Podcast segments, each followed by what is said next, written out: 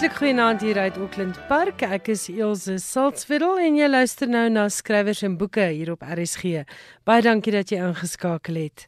In vanaand se program gesels ek met Sari se boeke-redakteur Phyllis Green oor 'n paar interessante Afrikaanse boeke wat sy onlangs gelees het. In die tweede helfte van die program gesels ek oor 'n splinternuwe boek uit Andre P Brink se pen. Dit is kortverhale uit die 50er jare wat nou in 'n nuwe bundel saam gebundel is. Tydskrifverhale wat wye byval sal vind by 'n klomp van ons luisteraars. Dan is Johan Meiburg in die ateljee om te gesels oor allerlei internasionale boekdinge, maar eers 'n bietjie gelukwensinge vir 'n klompie Afrikaanse en Engelse Suid-Afrikaanse skrywers. Media 24 se kortlyste vir die Media 24 boekepryse is pas bekend gemaak. Die pryse word in 6 kategorieë toegeken en het 'n gesamentlike prysgeld van R210 000. Met hierdie pryse word jaarliks erkenning gegee aan die beste boeke wat in die voorafgaande jaar deur uitgewers in die Media 24 groep gepubliseer is. Die uitgewers sluit NB Uitgewers in met drukname soos Iman en Resou Tafelberg, Kwela en Quillery en ook Jonathan Bull wat hoofsaaklik Engelse titels publiseer. Onafhanklike keurpanele het die kortlyste saamgestel uit altesaam 80 titels wat voorgelê is. Die kortlyste bestaan uit 3 titels elk, afgesien van die Elizabeth Eybers-prys waar 'n buitengewoon sterk veld meegebring het dat 4 digbundels in aanmerking geneem is vir die prys. Die kortlyste vir Media 24 se boekepryse vir 2018 is dan soos volg. Die W.A. Hofmeyer prys vir Afrikaanse fiksie, dit is romans, kortverhale en drama, al die genres saam. As in die mond deur Nicole Jackal Strauss uitgegee deur Quillery, Die wêreld van Charlie Ung deur Etienne van Heerden uitgegee deur Tafelberg, Groen soos die hemel daarbo deur Eben Venter ook uitgegee deur Tafelberg. In die afdeling vir Engelse fiksie word die Herman Charles Bosman Prys toegekend, ook aan romans, kortverhale of drama, dit is die fiksie genre. En hier is die finaliste The Life of Worm and Other Misconceptions deur Ken Barris uitgegee deur Kwela. I am Pandora's deur Michiel Heinz uitgegee deur Jonathan Bull Publishers. Being Carrie deur Quinita Loxton uitgegee deur Kwela. Die regtmalan vir die fiksie, die finaliste daar is How to Steal a City deur Crispian Oliver, deur Jonathan Ball uitgewers, The President's Keepers deur Jacques Pau uitgegee deur Tafelberg en Kwezi The Story of Ezekiel Kuzwayo deur Reddy Klabi uitgegee deur Jonathan Ball uitgewers. Die vier finaliste vir die Elizabeth Eybers Prys vir digbundels is nou hier deur Corneille Coetzee uitgegee deur Iman en Resou, Radbraak deur Jolyn Phillips uitgegee deur Iman en Resou. Alles het nie kom word deur Nathan Trantraal uitgegee deur Kwela en in die stille agterkamer deur Marlene van die Kerk uitgegee deur Iman en Resou. Die drie finaliste vir die MER Prys vir jeugromans is Hap deur Leslie Beek uitgegee deur Tafelberg. Blou is nie 'n kleur nie deur Karen Kratz uitgegee deur Tafelberg. En Soen deur Jan Vermeulen ook uitgegee deur Tafelberg. Die MER prys vir geïllustreerde kinderboeke, die drie finaliste daar is The All Africa Wildlife Express deur Rosamund Hayden en Tony Pinchak, die illustreerder, Karel Kraai se gitaar deur Louise Smit en Luan Sarfontein wat dit geïllustreer het. Liewe Heksie en die sterretjies kombuis wat gebaseer is op die oorspronklike verhaal van Werner Vels, maar wat splinternuut en pragtig geïllustreer is deur Wian Olofsen. Die wenner in elke kategorie ontvang R35000. By die MER prys vir geïllustreerde kinderboeke word die prysgeld verdeel tussen die skrywer en illustreerder. Die pryse word op Donderdag 14 Junie in Kaapstad toegekend.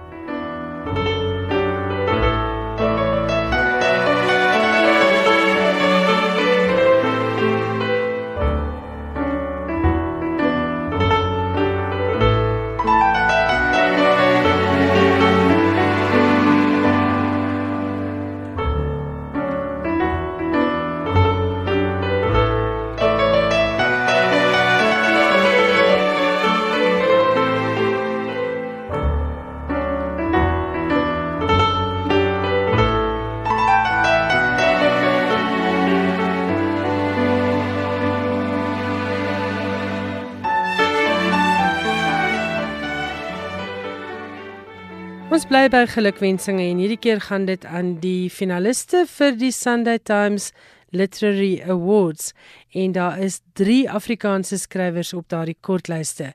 François Smit, Etienne Odee en Harry Kamer is almal benoem vir die Barry Ronge Prys vir hulle boeke Kampoer. François Smit se boek is vertaal as The Kampoer deur Dominique Botha. Etienne Odee se Die Derde Spoel uitgegee deur Umutsi is uitgegee as The Third Reel ook by Umutsi en Harry Kamer se 1000 stories van Johannesburg is in Engels uitgegee by Penguin as A Thousand Tales of Johannesburg. Isienodie het sy boek self vertaal en Harry Kamer het ook sy boek self in Engels vertaal. Die ander skrywers op hierdie kortlys vir die Barry Ronge Prys is Maxine Case met Softness of the Lime uitgegee deur Umutsi en Lesego Rampolo King met Birdmonk se ding uitgegee deur Deep South Publishers. Die kortlys vir die Allen Payton Prys vir nuwe fiksie is Kingdom Power Glory en dit handel oor Mugabe, ZANU and the Quest for Supremacy 1960 to 1987 deur Stuart Doran uitgegee deur Citata Media en Bookstorm. No Longer Whispering to Power: The Story of Tuli Madonsela deur Tandeka Kubule uitgegee deur Jonathan Ball is ook op daardie kortlys. Always Another Country, a memoir of exile and home deur Sisonke Misimang, uitgegee deur Jonathan Ball. The Man Who Founded the ANC, a biography of Pixley Ka Isaka Seme deur Bongani Nkulanga, uitgegee deur Penguin en Color Me Yellow, Searching for My Family Truth deur Tuli Nhlapu, uitgegee deur Kwela. Die wenners van hierdie verskillende pryse ontvang elkeen 100 000 rand en die pryse word in Junie bekend gemaak. Skrywers en boeke elke woensdag aand tussen 8 en 9. Phyllis Green, Sari se boeke redakteur is weer vanaand by my in die ateljee. Phyllis, altyd lekker om jou hier by Skrywers en Boeke te hê. Baie dankie dat jy spesiaal gekom het om ons te vertel van vyf lekker boeke wat jy onlangs gelees het. Ilse, dit is my altyd so groot voorreg as jy my vra om te kom want ek dink my geesdrif oor lees en oor boeke is net so groot. Ek kan net nie genoeg praat daaroor nie. Ja, en die lekker ding van Phyllis is dat sy lees baie vinniger as enigiemand wat ek ken en sy lees omtrent alles wat in Afrikaans verskyn. So sy is nogal 'n gesaghebende bron as dit kom by Afrikaanse boeke en ook by wat lesers van sal hou. Gewone deursnee lesers. Ek dink dit is vir my baie belangrik om te probeer om so wyd as moontlik te lees. Ek persoonlik hou baie daarvan om nie fiksie te lees nie, maar ek het aangeleer om fiksie te lees en ek moet sê ek is baie beïndruk met die gehalte van skryfwerk in Afrikaans, want ek het eintlik net van 2006 af regtig begin om baie Afrikaans te lees. Um, maar ek dink dis ook omtrent wanneer die mark regtig oop gegaan het met Ja, ewe skielik het dit net gebloei. Stemme, ja. En ook die verskillende genres waarin die skrywers begin skryf het. Ek dink ons kon toe met reg begin meeding met met die internasionale mark en ook met die Engelse skrywers. As ek vinnig terugdink, dan dink ek dis die jaar waarin Janet Paul se Springgetyp verskyn het. Irma Joubert se Tussenstasies het in 2006 verskyn en skielik was daar 'n klomp goed om te lees in Afrikaans behalwe hogere letterkunde. Ja, of of liefdesverhale. Ja, ja. So waaroor wil jy vanaand gesels? Jong, ek wil oor 'n paar goeters praat. Um, nou kies so 3 vir vanaand en dan gesels ons volgende week oor nog 2 of 3. Sal ons begin met Cecile Celie. Fantasties. Sy was onlangs in Pretoria. Ek weet jy het die gesprekke bygewoon. Christel Webber het 'n gesprek met haar gelei net vir so ietsiekie opgeneem vir skrywers en boeke, maar wat het jy van die boek gedink? Die kortverhaalbundel Die ou vrou en die priester en ander verhale wat dit so fenomenaal vir my gemaak het is Cecile se skryfvermoë is net so goed. Dis 'n debuut op 84 wat eerstens merkwaardig is En dan as jy die verhale lees, dis regtig soos 'n prentjie wat voor jou afspeel. Jy sien die karakters, jy gaan saam met die karakters deur meeste van hulle gaan deur 'n katarsis in in elke verhaal en hulle kom sterker of beter of moeiliker aan die ander kant uit. Jy loop regtig daai pad saam met die karakter. Maar dit is so menslik geskryf. Jy voel die empatie. Die ander ding wat my van haar verhale spesifiek beïndruk het is as jy dit hard voorlees, dan is daar 'n ritme. Die taal loop so mooi. Dis vir my ongewoon dat jy 'n bundel kry wat dit vir my voel jy kan elkeen van daai verhale kan jy hardop voorlees. So mooi is dit geskryf en so volledig is daai verhaal. Sy is baie meer as 'n rubriekskrywer. Dit sê almal wat daardie boek gelees het en almal wonder hoekom het sy nie vroeër kortverhale geskryf nie. Dis my interessant want ek het ook met haar gesels oor die boek nê, want ek het vir haar gevra het sy nou 'n aanpassing gemaak van rubriekskrywer na kortverhaalskrywer toe. En toe sê sy vir my nee, sy het maar op haarselfde manier te werk gegaan om die verhale te skryf. Sy sien haarself as 'n spreker en nie 'n skrywer nie. En nie regtig, sy sien haarself as 'n rubriekskrywer, maar hoofsaaklik as 'n spreker. Dit is wat sy voel wat sy haar hele lewe lank gedoen het. Sy het in die openbaar gepraat. En dit was my nogal interessant dat sy so sterk voel oor praat en ek dink dit is ook een van die redes waarom haar stories so goed kan voorlees want sy sy het vir my gesê as sy 'n storie geskryf vir die volgende dag dan lees sy dit vir haarself hardop voor om te hoor hoe klink dit vir haar ek moet sê ek was baie beïndruk met die boek haar karakters is ook vir my interessant sy put uit haar eie lewe uit. As jy gaan lees oor haar lewe, dan kan jy sien sy het goed wat gebeur het, plekke waar sy was. Kan jy sien kom so in die verhale voor, maar dis nie haar storie mm, nie. Mm, mm. So haar karakters vertel hulle eie storie, maar sy put definitief uit haar eie verwysingsraamwerk uit. Die stories is baie geloofwaardig. Ek was mal oor die boek. Ek was regtig mal oor die boek. Die voorblad was vir my pragtig. Dit is 'n uh, een van die skilderye van Robert Hodgkins wat amper lyk soos 'n hersingsking van 'n vrou. Dit is so waterverf beeld gedoente. Ek weet nie eintlik mooi hoe mense dit kan sê nie. En ek het spesifiek vir haar gevra daaroor. Toe sy vir my vertel dat Madeleine, sy was 'n baie groot vriendin van van Robert. En Madeleine se seun Willem was Robert se peetkind. So die peetkind het met verjaarsdae en Kersfeeste en so het hy altyd skilderye van Robert, Robert gekry. gekry. En toe dit nou kom by die persklaarmaak van die boek, sy wat Cecilis het eintlik 'n ander verhaal gehad wat sy regtig baie van gehou het die hitte van die Karoo en sy sy toe hulle die boek nou persklaar maak toe wou sy dit moet die laaste verhaal in die boek wees en sy het half gevoel dit moet die bundel se naam ook wees omdat dit haar gunsteling verhaal is. Toe haar redakteur vaag sê nee. Die ou vrou en die priester is die beste verhaal in die boek. En dit moet heel laaste in die bundel staan. Die verhaal gaan oor Madeleine wat natuurlik na haar beroemde um, skrywende suster ja, was. Ja. So dit was vir my baie interessant en sy sê toe hulle nou begin soek na 'n kunswerk van Robert om nou op die voorblad te sit, toe die peetkind van Robert het toe nou foto's gestuur van al die werke wat hy het en daai het, het hulle toe nou die spesifieke werk gekies en toevallig hang die werk in sy sitkamer. Dit was my net so 'n mooi storie, mm, weet dat mm. dat daar sorg met die met die bundel. Dis nie maar net sommer hierdie verhaal lê aan die einde, hierdie ene lê daar of wat ook al nie. As jy dit lees ook, dan gaan jy deur 'n proses en ek dink dit is 'n sinvolle verhaal om jou af te sluit. Watter verhaal was jou gunsteling? Snaaks genoeg die ou vrou en die priester was regtig vir my 'n gunsteling. Dan was daar een, ek kan nou nie sy naam onthou nie. Dit is 'n uh, 'n reunie. Die die man, hy's getroud met 'n baie jonger vrou. Wat ook interessant is, baie van die karakters in die boek in die verhale is nogal die daar's 'n groot verskil van ouderdom tussen die man en die vrou. Maar in hierdie spesifieke verhaal dan hy's getroud met 'n jonger vrou en sy het hom aangemoedig om na die skoolreunie te, te gaan.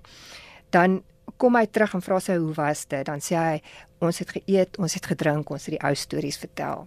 Hulle het die reunie op dieselfde plek elke jaar gehou en so het hy nou aangegaan en aangegaan en aangaan en dan kom hy nou later kom hy terug in 1 jaar dan sê hy ons is net 5 oor. Dan vra sy maar hoe was en dan sê hy ons het geëet, ons het gedrink, ons het die ou stories vertel totdat net hy die enigste een is wat nog oor is. Dit was vir my net so hartseer verhaal, maar ook so menslik. En ek dink in 'n gesprek met Kristal het sy ook daarna verwys dat Sy skryf oor al hierdie dinge wat sy in haar ouer word ervaar. Sy het dit ook ingeweef Ja. in die stories. Definitief. Die ander ding is sy verstaan die menslike emosie. Ek dink sy's nogal 'n empatiese mens. Sy voel vir die mense en dit kan jy jy kan dit absoluut in haar woord gebruik en hoe sy goed beskryf en die goed waardeur die karakters gaan kan jy dit sien. Al skryf sy as daar iets aakligs met 'n karakter gebeur. Dis so menslik, dit roer jou mm. wanneer jy dit lees. En ek dink dit is iets wat haar en Madeleine van Bouillon haar susters se rubrieke ook gekenmerk het. Hulle het geweet hoe voel 'n mens en hulle het geweet waarvan 'n leser gaan hou. Ja, en ek dink hulle is nie bang om oor half die die moeiliker goed te skryf Mm. nie, want dit is tog die dinge waardeur mense gaan egskeiding, uh buiteegtelike kinders, dood of verlies van een of ander aard, Mm, want dit mm. is goed wat wat alles in die verhale is. Goed, so groot aanwins vir die Afrikaanse letterkunde dan Cecile Silje se Die ou vrou en die priester en is ook lekker om 'n slag 'n bundel kortverhale te kry want dit is ook nou nie 'n genre waarin daar te veel gepubliseer word in Afrikaans nie. As jy sopas ingeskakel het, hierdie is skrywers en boeke. Ek is Elsje Salzwetel en my gas vanaand hier in die RSG ateljee is Phyllis Green, die boekeredakteur van Sari en ons gesels oor 'n paar boeke wat sy onlangs gelees en geniet het. Jou volgende boek. Dis 'n nuwe boek wat nou net uitgekom het. Dit is Susan Koetser se Selma en Louise. Dis heeltemal ietsie anderster as Cecile se bundel. Hierdie is 'n roman. Dit is 'n dikke, dikke, dikke een. So as jy hom gaan lees, dan gaan jy nogal 'n lang rukkie aan hom lees. Dis 'n verhoudingsroman. Dit gaan oor die vriendskap tussen Selma en Louise. Dis lig geskryf. So dit is nie inspannende lees nie. Dis vermaaklik. Jy lag vir van die goed waardeur die twee karakters gaan, maar jy huil ook. Selma en Louise se storie word met twee verskillende tydlyne vertel.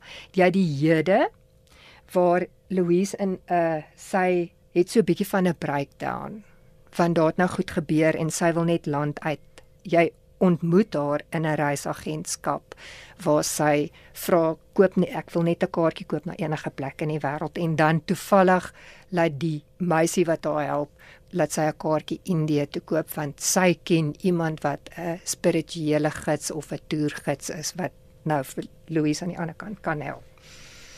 Dan die ander tydlyn is die verlede se storie en daar kom eintlik die donkerder gedeelte van die storie uit. Dit is die vriendskap, hoe die vriendskap ontstaan het tussen hierdie twee vriendinne. Hulle is bloedvriendinne en hulle het mekaar so gesny en die bloed met mekaar gemeng, daai hele klein ritueeltjie. So hulle vriendskap kom van klein klein klein tyd af en hulle het regtig al 'n klomp sakke sout saam opgeëet. Die krisis in die hede is oor iets wat die een vriendin aan die ander een gedoen het wat sy nooit verwag het nie. Dit het soos totale verraad gevoel. Gaan oor natuurlik oor 'n man. Wat kan nou meer dramaties wees as iets wat oor 'n man gaan? En dis seker omtrent die enigste ding wat goeie vriendinne um hulle band sal laat breek, né? Ja, presies. Maar wat interessant was vir my van die storie is dat deur haar proses in Indië het sy tot 'n bewuswording gekom dat vriendskap is eintlik so belangrik en die vriendskap het behoue gebly. So dit was nogal vir my mooi. Wat ook die storie interessant maak is dat hoe 'n vrou in die hede as sy nou 'n weduwee is of geskei is of wat ook al, waar ontmoet jy 'n nuwe man? Uh so die sosiale media aspek word ook in die storie ingebring. So dit is 'n dis 'n entertaining lees as ek dit so kan sê. Vrouens gaan mal wees oor die storie want daar's so baie waarmee jy jouself kan vereenselwig. En jy het voor ons op die lig gegaan het 'n interessante ding gesê en dit is dat Susan lesers verstaan. Ja nee, beslis. Sy verstaan lesers en ek dink sy verstaan ook verhoudings en sy verstaan die drama in verhoudings. Mm. En dit is wat sy so goed kan oorbring. As jy lees dan wil jy tog sien o, maar ook ander mense is ook so of o, wag kyk ek leer ietsiekie hier uit. Al is dit 'n vermaaklike storie, dit voel altyd vir my as ek lees want ek lees so baie, ek wil iets leer of ek wil darm iets voel vir 'n karakter en sy kry dit regtig baie goed reg. Dis dan Susan Koetser se boek Selma en Louise en ek wou nog vra, is daar 'n bewuslike woordspeling op Thelma en Louise? Ek Die verm- film. Ek vermoed so want die die vriendskap is daai selfde hegte vriendskap en die goed wat gebeur laat 'n mens nogal 'n bietjie aan die film dink. Goed, goed. So dis Selma en Louise van Susan Koetser. Hy is splinternuut. Ek dink hy kom um hy's nou eers op die rakke, so Phyllis het hom heel eerste vir ons gelees. Waaroor wil jy nog gesels? Nou wil ek praat oor 'n nuwe fiksie. Dit is uh, Rian van Heerden se boek 16 dinge wat ek nie moes gesê het nie. Ja, ek dink dit is 'n baie lekker onderwerp. Maar dis 'n In boek sy wat my geval beslis. beslis. Rian is een van daai mense waarvan mense of hou of glad nie van hom hou nie. So ek dink hy kom omdat hy so ook omstrede uitlatings maak, ehm um, kom hy hy kry nogal baie vlek. En wat my verras het van die boek is is hoe eerlik hy was in die boek oor die goed wat wat gebeur het in sy lewe. Ek meen hy hy skryf eerlik van al die blapse wat hy gemaak het, hoe hy gefire is by plekke. Hy skryf waar sy loopbaan begin het. En dis vir my dis interessante goeters om te lees. Dit gee jou ook so 'n bietjie van 'n breër agtergrond in hoe er, radiostasies werk, hoe mense daar kom en wat van hulle vereis word. Ek dink as jy 'n luisteraar is, dan staan jy aan die buitekant. Jy weet nie eintlik wat aan die agterkant gebeur nie en in die boek leer jy darm so 'n bietjie daarvan ook. Maar twee goed wat my van die boek beïndruk het. Die eerste ding is hy sê pertinent van die grootste flaters wat hy gemaak uitlatings wat hy gemaak het wat mense rondom hom regtig geantagoniseer het en wat vriendskappe ge- aangeraak het. Die een het gegaan oor die nuwe hoopskool. En wat ek nie besef het nie, is wanneer hulle voor die uitsaai-raad gesleep word en 'n omroeper word beboet, die radiostasie betaal nie daai boete nie. Die omroeper moet daai boete uit sy sak uitbetaal. En as jy Rian se boek lees, dan sal jy sien hy het nogal baie geld bestee aan sulke boetes. Want van daai boetes is nogal groot Mm, wat mm. opgelê word. Die tweede ding wat my regtig beïndruk het van die boek, wat my met ander oë na Rian laat kyk het, is hoe eerlik hy skryf oor sy seksualiteit, oor hoe dit is om gay te wees, hoe hy uit die kas uitgeklim het en dat hoe moeilik verhoudings vir hom is. Die een hoofstuk skryf hy oor sy eerste regtige ernstige verhouding wat skipbreek gelei het en hoe moeilik dit vir hom was om daaroor te kom. Daar's 'n weerloosheid daarin. Jy kan nie help om te voel, "Jo, hier is iemand wat regtig deur pyn gegaan het nie." Hy sê ook wat vir my interessant was, is dat hy in die boek sê gewone heteroseksuele mense leer van kleins af al om die dating game te speel. Dit is briefies aanstuur in die klas, dis skoolkeis, dis later is dit matriek afskeid, matriek, Mm, mm. dan sit so Daar's reëls. Ja, daar's en dis aan almal En- bekend. en jy oefen dit. So as jy uiteindelik in 'n ernstige verhouding kom, dan dan weet jy al wat daai reëls is.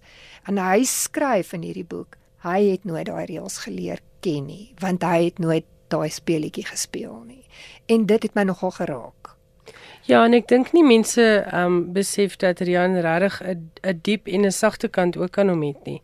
Ja, Ek het hom ehm um, die eerste keer met hom onderhoud gedoen toe hy nog by ehm um. Tuks Radio was. En in daardie onderhoud het hy gepraat oor sy pa se dood en hoe diep dit hom geraak het om langs sy pa se sterfbed te sit. die ander ding wat baie duidelik in Rian se boek is, is is die hegte band wat hy met sy familie het. Sy ma, sy pa. Sy hy skryf baie roerend oor sy pa, oor sy pa se dood. Maar ook hoe moeilik dit was ehm um, toe sy pa geleef het want sy pa was 'n funksionele alkoholist Mm. wat nie regtig vir lank een werk kon gehou het nie. So hy skryf oor hierdie goed in in sy boek en ek dink dit dit wys 'n ander kant van Rian, 'n kant wat jy nie noodwendig van weet as jy net na hom op die radio luister nie. En wat miskien baie van sy weerbarstigheid kan verduidelik. Moontlik. Kyk, die ander ding wat my van hom beïndruk het is wanneer hy 'n standpunt inneem, gaan dit oor beginsels. En as jy teruggaan en jy gaan kyk na na dit waaroor hy skryf in sy boek en jy gaan kyk na dit waaroor hy praat op radio, as dit oor 'n beginsel ding is, iets waarin hy glo, dan gaan hy nie afwyk daarvan nie. Sy praatjie bly dieselfde. Hy gaan nie as hy 'n ander audience wil tref, sy praatjie verander nie. Hy is baie standvastig in dit waarna hy glo. En hy is wie hy is, né? Ja. So vir wie sal jy Rian van Heerden se boek aanbeveel? Wel, ek dink dis almal wat wil lees oor 'n openbare figuur met 'n hoë profiel of selfs net enige iemand wat daarvan hou om biografieë te lees. Dit was regtig vir my een van my boeke van die jaar sover. Goed, dit is dan Rian van Heerden se die 16 dinge wat ek nooit moes gesê het nie.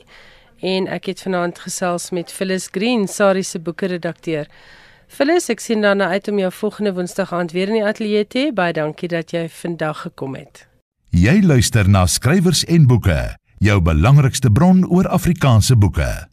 Ek gesels nou met Cecilia van Sail. Sy is die voormalige verhale redakteur van die Huisgenoot en You En Cecilia was die samesteller van die Rooikop en die redakteur en ander stories deur Andre P Brink. Goeienaand Cecilia en baie welkom by Skrywers en Boeke. Hallo daar Ilse. Hoe lank was jy verhale redakteur by Huisgenoot? Ten minste 10 jaar. Ek het juis probeer terugdink hoe lank dit was, maar ek dink dit was ten minste 10 jaar al wat ek uh, wat ek die heerlike werk gehad het. Wat het jy geleer uit jou werk as verhale redakteur by Huisgenoot? Waarna is tydskriflesers op soek wanneer hulle 'n uh, tydskrifverhaal lees? Wel ek het 'n baie goeie wenk by uh, die destydse redakteur gekry, Esmerie Weideman, wat nou die uh, uitvoerende hoof van Media 24 is. Sy was destyds die ehm um, redakteur en sy het vir my uh, gesê sy wil verhale hê wat 'n lekker um, 'n lekker leesverhaal is en wat 'n begin, 'n middel en 'n einde het. En ehm um, dit het my altyd bygebly en die verhale wat vir 'n uh, huisgenootse mark gewerk het, was juis die tipe verhale. En van hulle kon ligter wees en uh, of bietjie lyf gehad het, maar uh, dit was altyd my riglyn gewees. En seker ook die soort verhaal wat 'n leser net 'n bietjie wegneem van sy realiteit. Dis reg ja, maar iets wat hulle meer hulle self kan vereenselwig ook. Het jy hierdie selfde riglyne gebruik toe jy nou die Rooikop en die redakteur saamgestel het?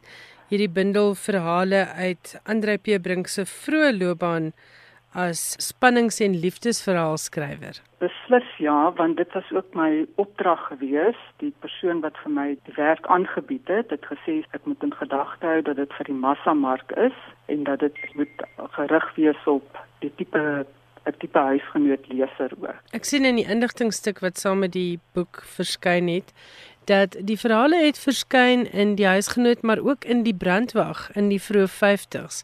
Nou dit is die jare toe. Hoe het jy te werk gegaan om hierdie stories in die hande te kry? Moes jy nou deur die huisgenoot en brandwag argiewe gaan? Ek was nou al van tevore deur hierdie uh, soortgelyke proses uh waar ons um, uh, ook bindel vir huisgenoot saamgestel het van um verhale oor die afgelope 50 jaar. Die ek dink daardie bundel het 5 jaar gelede verskyn. En wat by my aangekom het, is bundels tydskrifte, die ou oorspronklike tydskrifte wat saamgebind was en ek dink ehm um, drink dit hulle self so laat bind en um, die die bundels was in sy uh, weduwee Karina se besit gewees. Ek dink uh, dit is hoe die projek ontstaan het, is dat hierdie bundels daar was en dat dit vol materiaal was wat baie maklik in in so 'n tipe kortverhaalbundel om omskep kon word. En so die bundels die by my is dit letterlik fisies by my afgelewer. Hierdie stapels ehm, tydskrifte wat saamgebind is. Ja, dis reg. En ja? um, en ons het toe gefokus op huisgenoot en uh brandwag want dit was van selfsprekend uh die destydse nasionale pers se twee uh titels gewees want hy het ook vir rooi rose geskryf maar ons het toe gefokus op huisgenoot en brandwag. Wat was vir jou opmerklik van hierdie stories want onthou die luisteraars en die meeste lesers van Andre P Brink se werk ken hom as 'n ernstige letterkundige wat goed geskryf het wat nie noodwendig wye byval gevind het nie hoewel dit van hom 'n absolute legende in die Afrikaanse letterkunde gemaak het. Maar wat vir my uh, onmiddellik opgeval het, was dat hy op daardie stadium in sy vroeë 20's was, uh, want die die verhale strek van 56 tot 1959. So hy was letterlik in sy vroeë 20's gewees toe hy hierdie verhale geskryf het en hulle was almal almal fantastiese stories gewees wat jy onmiddellik meegevoer het en as jy die eerste sin begin lees het wou jy net aanlees. En wat my ook opgeval het was die verhouding tussen mans en vrouens want natuurlik was die daardie laat 50er jare die voorloper jare voor die 60er jare en women's lib en al sy vroue karakters is baie beslis geëmansipeerd. Hulle is almal baie onafhanklike vroue.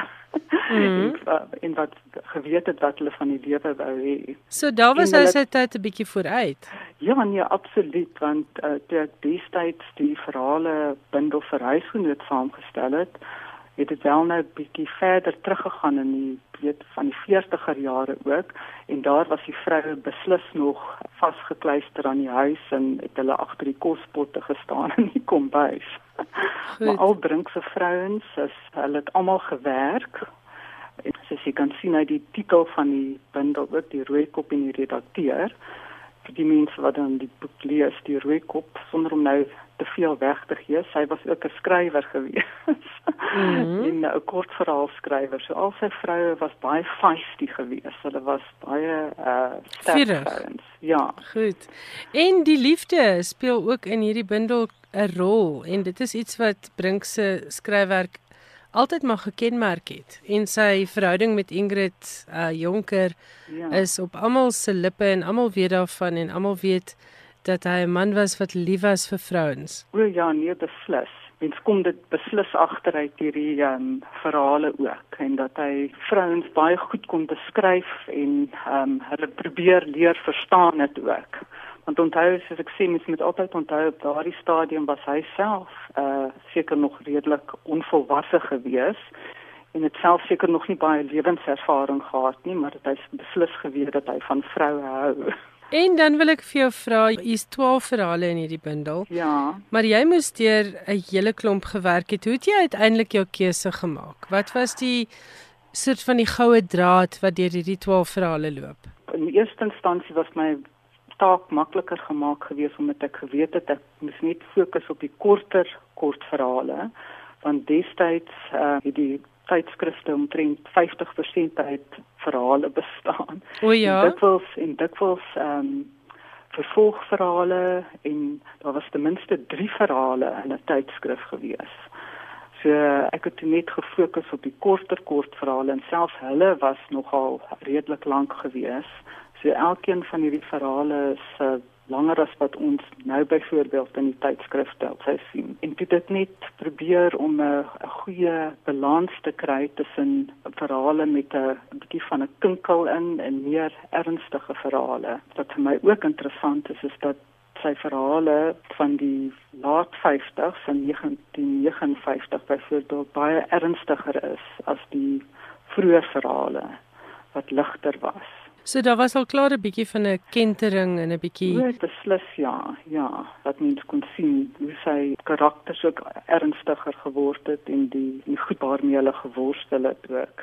En 'n laaste vraag Cecilia van Sail, wie gaan hierdie bundel geniet? Vir wie sou jy dit aanbeveel? Van selfsprekend vir Andre P. Brink aanhangers, definitief is dit 'n moed, maar vir enige iemand anders wat uh van Afrikaanse letterkunde hou en ehm um, en net 'n of dit sal 'n fantastiese geskenk maak vir iemand wat nie verbring ken nie en uh en net 'n 'n lekker 'n uh, bundel kortverhale wil geniet. Goed. Dit is eintlik vir almal. Dit soos ek sê dit was uh die opdrag was om dit vir die massamark saam te stel. My persoonlike gevoel is dat ouer mense dit sal geniet weens die onskuld van die verhale.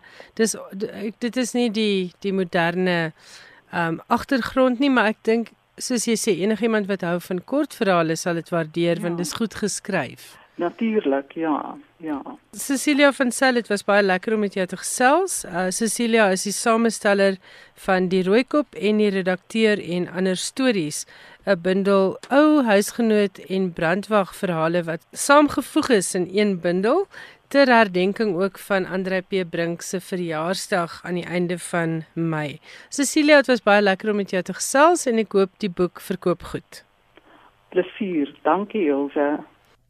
Dit was Cecilia van Sail, samesteller van Die Rooikop en die redakteur en ander stories deur Andrei P Brink. Dit is 'n bundel van 12 verhale saamgestel uit 'n keur wat sy gevind het in die brandwag en vroeë uitgawes van die huisgenoot. Die bundel kombineer Brink se eie soortige sin vir humor met 'n tikkie nostalgie. Andrei P Brink was natuurlik een van die grootes in die Suid-Afrikaanse literêre bedryf. Hy was 'n romanskrywer, dramaturg, reisverhaalskrywer, vertaler, letterkundige kritikus en akademikus en sy romans is in meer as 30 tale vertaal. Hierdie bundel bring dan vir ons so ander kykie na Brink die skrywer.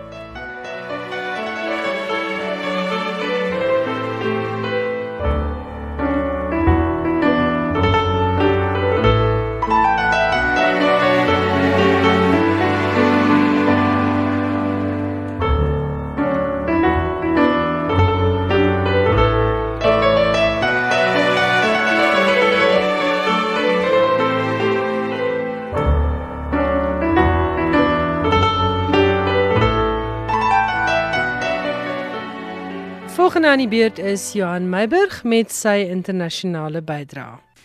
'n Kinderboek geskryf deur die Ghanese skrywer Portia Derry en geïllustreer deur die Kaapstadse kunstenaar Toby Newsome is aangewys as die wenner van die gesogte Children's Africana Book Award. Die boek Grandma's List is 'n kleurvolle boek oor 'n 8-jarige meisie, Fatima, wat haar ouma probeer help om deur haar lysie van sleurwerkies te kom. Sy oortuig haar ouma sy is heeltemal daartoe in staat om die lysie in 'n japtrap deur te draf, maar dan verloor sy die lysie op pad winkel toe en sy moet probeer onthou vir al wat sy werd is wat op die lysie staan. Newsome, 'n illustreerder wat op Design and Daba 2015 geïdentifiseer is as een van die illustreerders in Suid-Afrika om dop te hou, beskryf sy werk as lighartig en met 'n waardering vir die ontwerpkuns van die verlede veral die van die 1960s. Daar's 'n gevoel van collage aan sy werk met herhaling van losse forme, patrone en fyn lynwerk. In Grandma's List dra die karakters byvoorbeeld westerse klere in Afrika ontwerp. Die twee boeke wat met Grandma's List meegeding het om die prys was Baby Goes to Market, 'n boek van die Nigeriese skrywer Atinuke met illustrasies deur Angela Brooksbank en Mama Africa, 'n biografie oor Miriam Makeba, geskryf deur die Suid-Afrikaanse skrywer Catherine Erskine, geïllustreer deur Charlie Palmer. Die Children's Africana Book Award is dieselfde prys wat die Kaapstadse skrywer en illustreerder Nikki Daly in 2002 verower het met sy What's Cooking Jamela. Die Children's Africana Book Awards is 'n Amerikaanse prys wat jaarliks toegekend word aan voortreffelike kinderboeke uit Afrika. Die prys het drie oogmerke: om publikasie van kinderboeke wat beter begrip van gemeenskappe en kwessies eie aan Afrika in gedagte het te bevorder, om erkenning te gee aan boeke van literêre gehalte en om erkenning te gee aan die navorsingssuksesse van skrywers en illustreerders. Mama Africa word uitgegee deur Ferrer Strauss Giroux. Baby Goes to Market deur Candlewick en Grandma's List word uitgegee deur die Ghanese uitgewer African Bureau Stories. Die Jordanies-Palestynse skrywer Ibrahim Nasrallah is onlangs aangewys as die wenner van die 2018 internasionale prys vir Arabiese fiksie. Hy het die prys gekry vir sy futuristiese roman The Second War of the Dog. Nasrallah is by twee vorige geleenthede benoem vir die prys. Hy het sy boek beskryf as 'n waarskuwing omtrent dit wat ons in die toekoms kan word. Die boek begin by daardie oomblik wanneer 'n mens sekerheid verloor, 'n vertroue in die mense wat na aan jou is, familie, bure, wie ook al. Die uiteinde van die pad waarop ons tans is, sê Nasrallah, is nihilisme, 'n verabsolutering van uitsigloosheid. Nasrallah is in 1954 gebore. Hy het in Amman groot geword nadat sy Palestynse ouers in 1948 van hul grond afgesit is. Hy het eers as onderwyser en daarna as joernalis gewerk voordat hy in 2006 heeltyds begin skryf het. Vier van sy romans en ook van sy verse is in Engels vertaal. Die roman Time of White Horses was in 2009 op die kortlys vir die prys vir Arabiese fiksie. Die prys is in 2007 in die lewe geroep om fiksie in Arabies te bevorder. Vroeger vanjaar het One World, die onafhanklike Britse uitgewer, die Engelse vertaling uitgegee van Ahmed Sassawi se Frankenstein in Baghdad. Daarna is die verhaalregte bekom ook vir nog vertaling in 14 tale. Vanjaar se Dylan Thomas Prys is toegekend aan die 31-jarige Zambies-gebore digter Kayo Chingoni vir sy debuutbundel Kumakanda. Die prys genoem na die digter Dylan Thomas word jaarliks toegekend aan verdienstelike werk deur skrywers jonger as 39, die ouderdom waarop Thomas dood is. Die prys word beheer deur die Swansea Universiteit. Die prys is in 2010 laas deur 'n digter gewen. Verlede jaar se wenner was Fiona McFarlane se bundel kortverhale The High Places en die jaar voor dit Max Porter se roman Grief is the Thing with Feathers. Chingonyi se Kumakanda word beskryf as 'n verstommende en kultureel belangrike bundel gedigte wat swart kultuur, manlikheid en identiteit in hedendaagse Brittanje verken.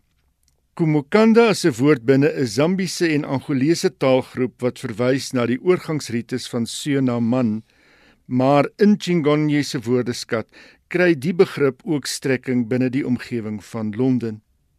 Anders is so baie boeke van immigrantskrywers wat draai om herinneringe aan die vaderland en gewaarwordinge in die nuwe land. Is Chingonyi se bundel nie 'n klagsang oor wat verlore is nie, het Kurt Heinzelmann, een van die beoordelaars gesê. Chingonyi was 6 toe sy ouers na Newcastle verhuis het.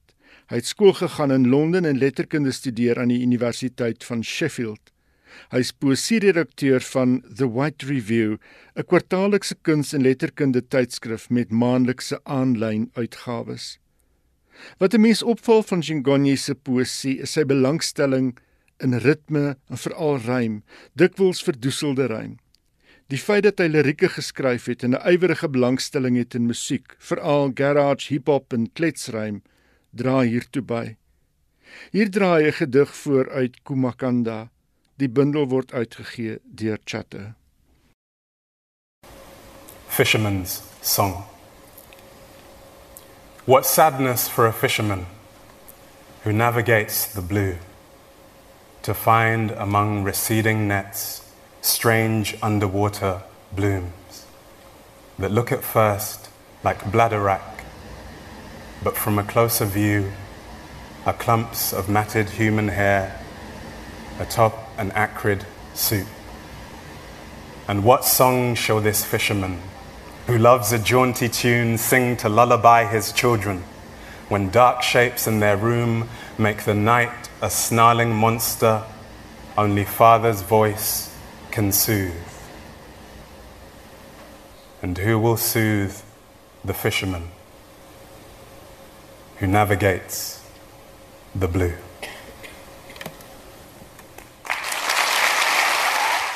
Dit was dan die stem van Kayo en hy het een van sy gedigte voorgeles. Met Johan Meiburg se bydrae kom ons dan aan die einde van van dese week se skrywers en boeke. Baie dankie dat jy saam geluister het en volgende Woensdag aand maak ons weer so. Dan gesels ek en Phyllis Green oor Rihanna Skeepers se pragtige nuwe roman Stormkind en ek gesels ook met die legendariese radiopersoonlikheid Kate Turkington oor haar nuwe biografie. Dit alles volgende Woensdag aand in Skrywers en Boeke. My e-posadres is skrywersenboeke@rsg.co.za en die SMS nommer is 45770. Tot ons volgende Woensdag aand weer gesels. Bly warm, dis bitterkoud hier in Johannesburg. Waar jy ook al is, hoop ek jy is warm en dat jy ingeskakel sal bly op die res van ons mooi musiekprogramme vanaand hier op RSG. Tot volgende week. Totsiens van my Elsje Salzwetel.